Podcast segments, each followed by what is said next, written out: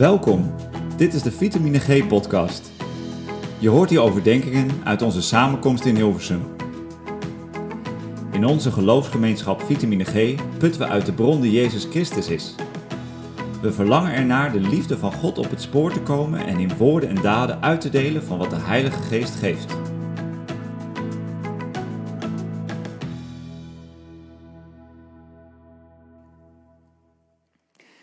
Gaan het vandaag hebben over Abraham. En ik lees daarom een verhaal over hem uit Genesis 22.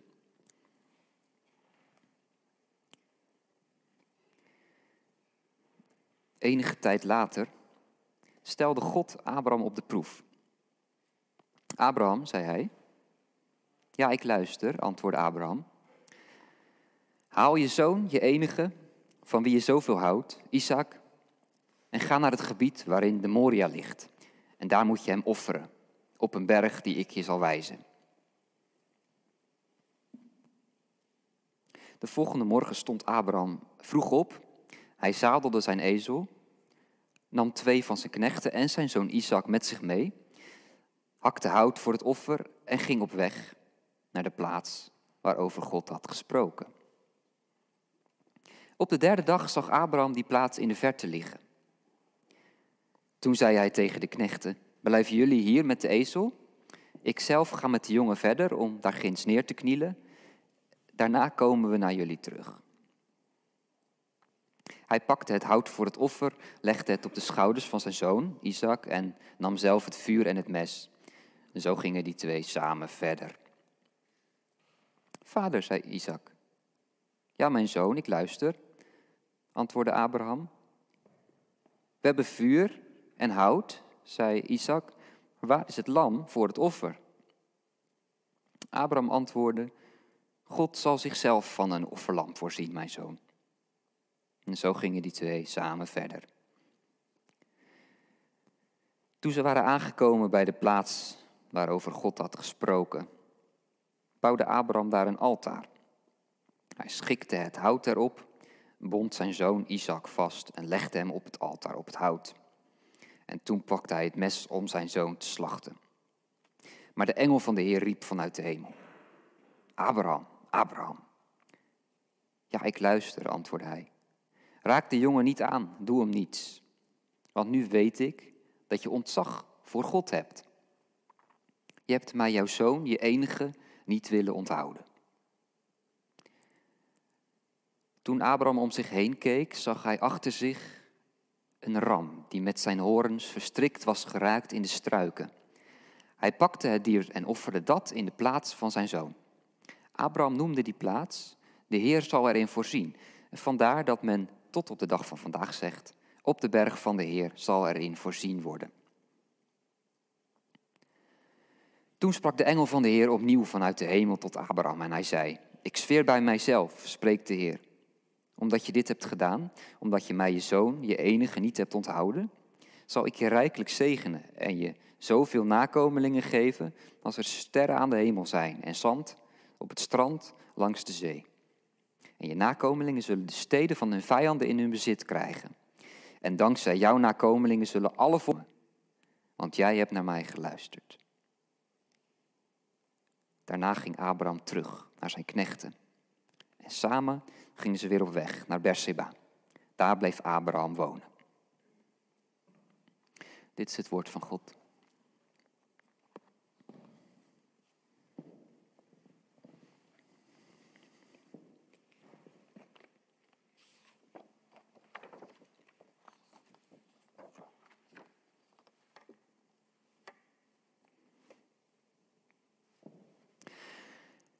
Ik weet niet of u het verhaal al kende.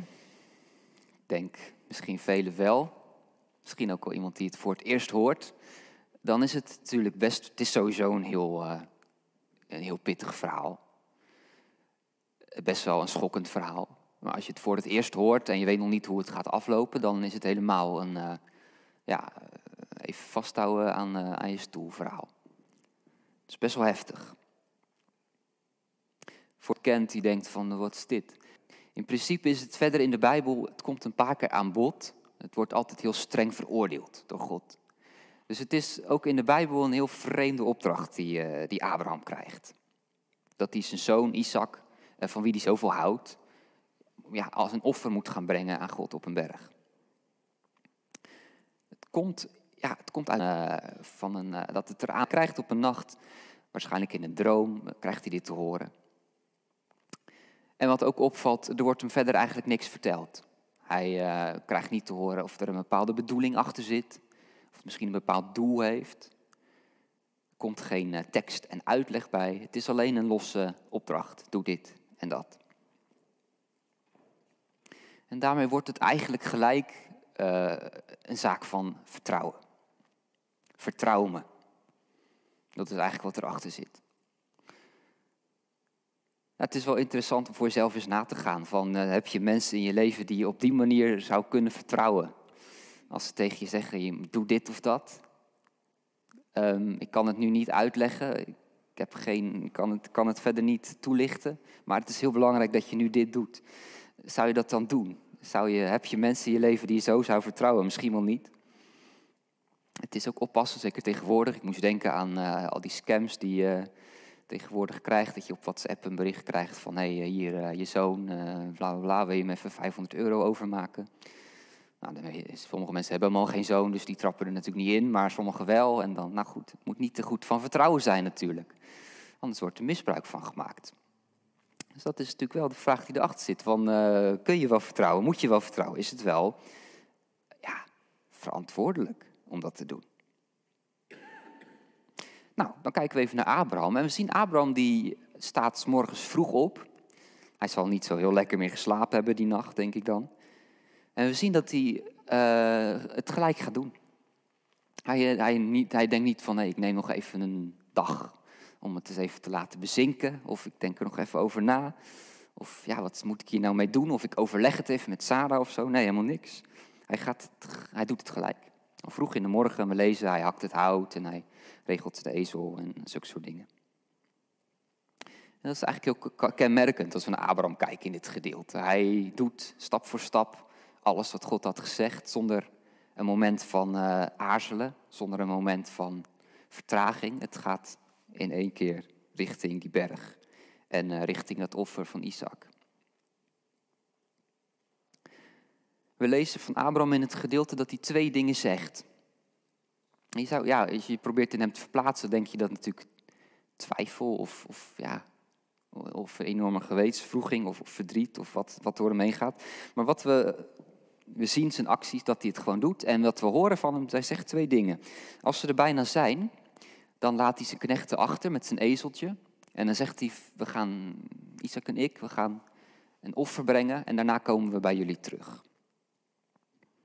Nou, ik, lees, ik zeg het nu zo snel, eh, dat is natuurlijk logisch. Maar eh, hij zegt, als je goed leest, daarna komen we bij jullie terug. We, zegt hij. Is het een uh, leugentje? Is het een geruststelling om het nog een beetje te verhullen? Om er even overheen te praten of om het niet onder ogen te hoeven zien? Het tweede, hij zegt maar twee dingen. Het tweede wat hij zegt is tegen zijn zoon Isaac. Als Isaac zich begint af te vragen, wat gaan we nu eigenlijk offeren, want we hebben niks bij ons. Dan zegt Abraham, als hij dat aan zijn vader vraagt, zegt Abraham, God zal zichzelf van een offerlam voorzien, mijn zoon. Is dat een leugentje? Is het een geruststelling voor zijn zoon?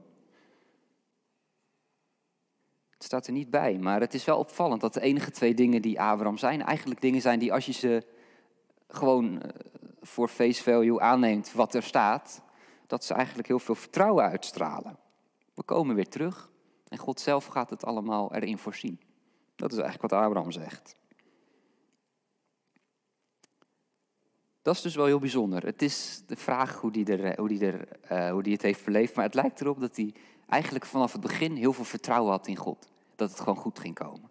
We lezen dat ook in Hebreeën 11, veel later, Nieuw Testament. Uh, eigenlijk net zoals wij kijkt die terug op, op het verhaal uit Genesis. En daar staat, door zijn geloof kon Abraham, toen hij op de proef werd gesteld, Isaac als een offer opdragen. Hij die de belofte had ontvangen, was bereid om zijn enige zoon te offeren terwijl er tegen hem gezegd was, Alleen door Isaac zul je nageslacht krijgen, zei hij bij zichzelf dat het voor God mogelijk moest zijn om iemand uit de dood op te wekken.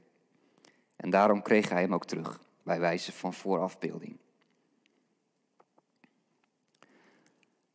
Nou, de mensen die het verhaal van Abraham wat beter kennen, die weten dat eigenlijk die hele, dat hele kind Isaac, dat was eigenlijk al onmogelijk dat hij er überhaupt was.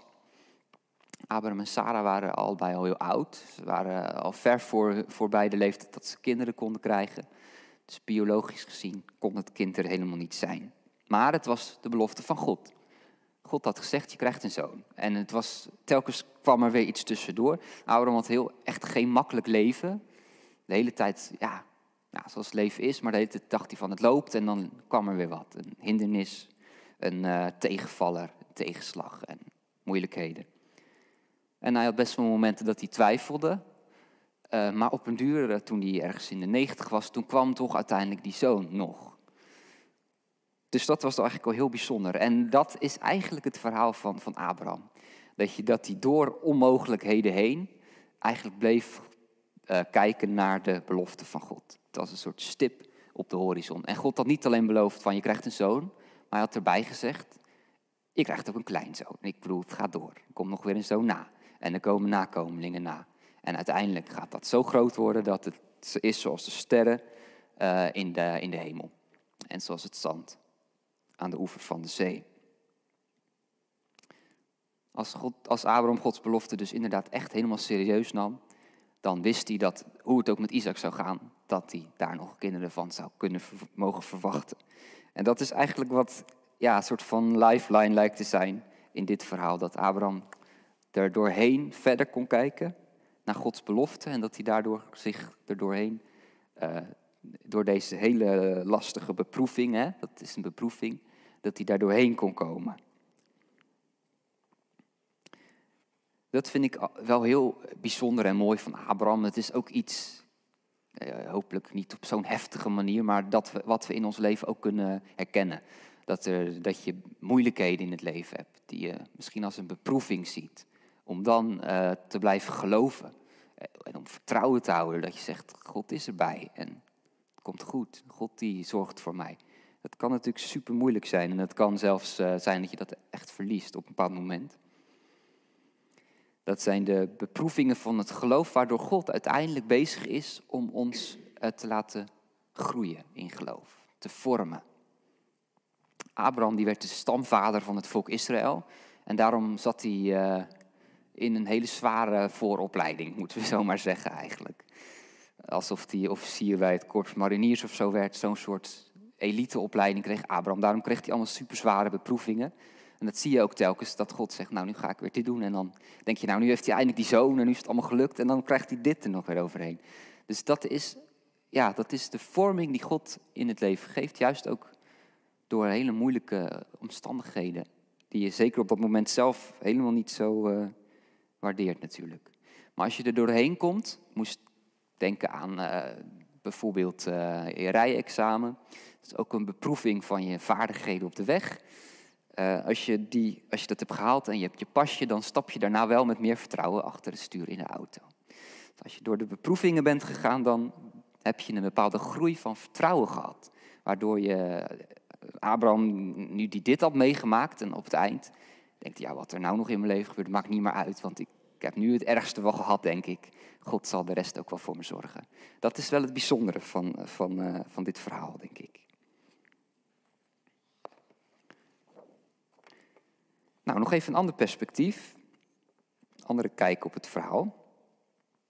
Een van de vragen die naar boven komt, als je dit leest, die je moet stellen is, van wie is nou eigenlijk die zoon? Wiens zoon is het? Nou ja, van Abraham en Sarah natuurlijk, hè? is hun kind. Maar ik denk dat ze het ook wel, zoals ieder kind natuurlijk, wat je krijgt, dat het een geschenk is. Dat het op een bepaalde manier een wonder is. Dat je, dat je voelt, dit is niet helemaal van ons, dit hebben we gekregen. Het kind is, het kind is van God, het is, het is de zoon van God eigenlijk, Isaac. En Abraham mag voor die zoon zorgen dat is iets wat door dit verhaal ook, uh, denk ik, in een ander licht komt te staan. We hebben denk ik gewoon op het dagelijks, in het dagelijks leven het gevoel dat we op een bepaalde manier eigenaar zijn van dingen, dat we dingen hebben. Dat we onze familie, onze geliefden, onze kinderen, dat ze, ja, dat ze van ons zijn eigenlijk. Ons eigen leven, dat het van ons is. En uiteindelijk denk ik dat we hiervan kunnen zien dat de dingen die je eigenlijk het belangrijkst vindt in je leven, dat je die niet hebt. Eigenlijk. Niet, eigenlijk niet in de vingers hebt. En op de, juist op de moeilijke momenten van het leven, als je iemand verliest, als je, als je ziek wordt, dan, dan voel je dat natuurlijk. Dat je het niet, eigenlijk niet hebt. Dat je het niet in de vingers hebt, het leven. Eh, dat je het alleen maar kan ontvangen. Dat je een kind krijgt om voor te zorgen. Je geliefde krijgt om ervan te genieten. Dat je, dat je leeft, zo heb ik het opgeschreven, dat je niet leeft met je eigen um, bankrekening, maar dat we leven op rekening van God. En daar krijgen we elke keer weer een toelage uit. Want God is niet uh, heel schraperig of zo, maar hij is wel heel gul voor ons. Maar het maakt wel, als je, als je, dat zo, als je zo kijkt naar deze, deze geschiedenis, dan, zie je, dan snap je ook wel hoe Abraham ertoe kon komen dat hij dacht, ja, ik heb die zoon van God gekregen, nu geef ik hem terug. Dat is het geloof van Abraham. Dat is natuurlijk wel een hele bijzondere manier van naar het leven kijken. Het gaat uiteindelijk om, om veiligheid. Van, ben je veilig door de dingen die je hebt, door, het, door, de, door je gezin, je familie, je werk, je dingen, spullen die je om je heen hebt gebouwd, als een soort van wie je bent. Nou, uiteindelijk is dat misschien ook wel heel kwetsbaar. Kan dat ook maar door hele kleine dingen opeens omvallen. Uiteindelijk laat dit gedeelte zien dat we onze veiligheid mogen zoeken in de gulheid, de gevende uh, genade van God die ons het leven geeft. Dat is uiteindelijk de vrijheid van het geloof. Hè? Dat je dus niet eh, aan dingen hoeft te blijven hangen, dat je je niet hoeft te verankeren aan dingen die uiteindelijk ook omvallen, maar dat je je mag verankeren in God, waardoor je met meer vrijheid eigenlijk met, uh, in het leven mag staan en ook zeker in de liefde mag staan.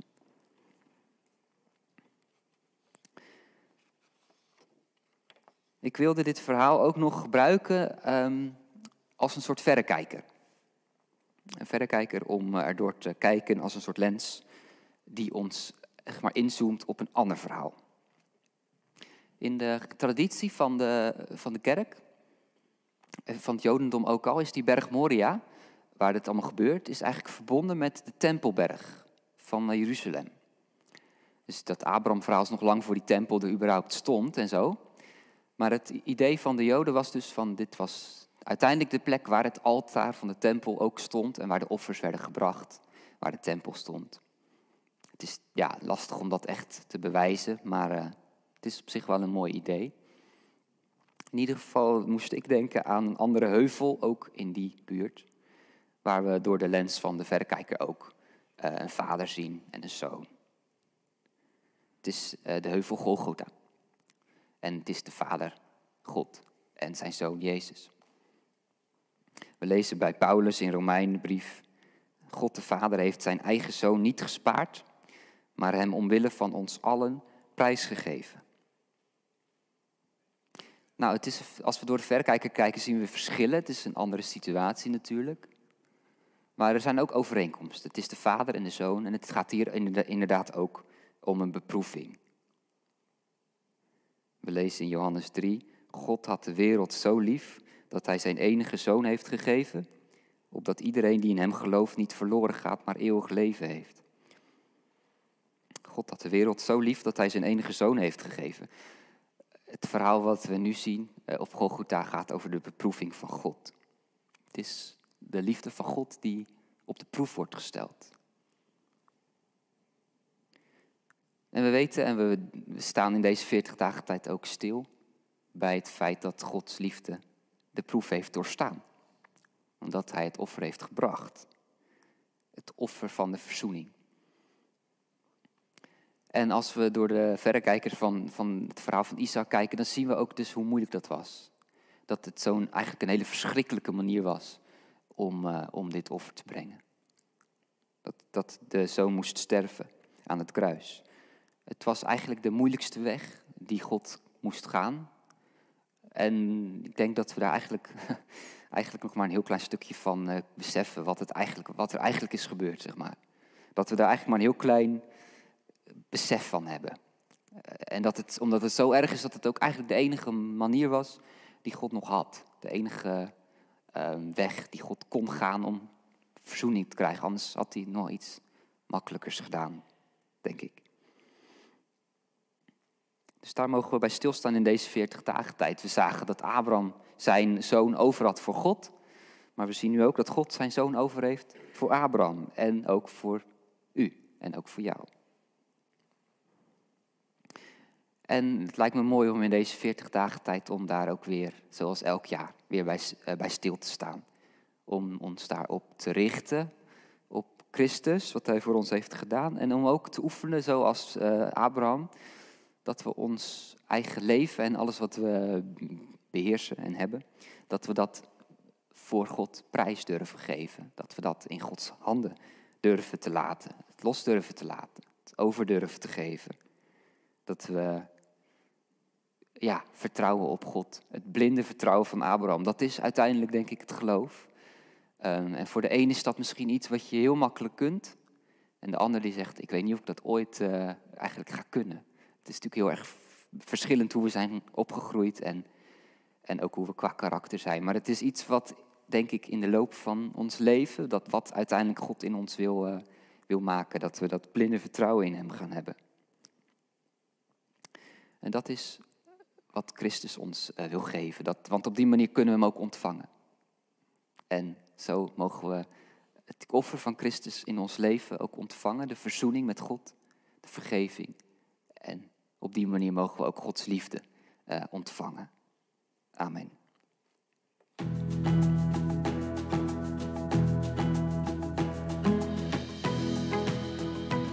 Dit was de Vitamine G podcast. Bedankt voor het luisteren.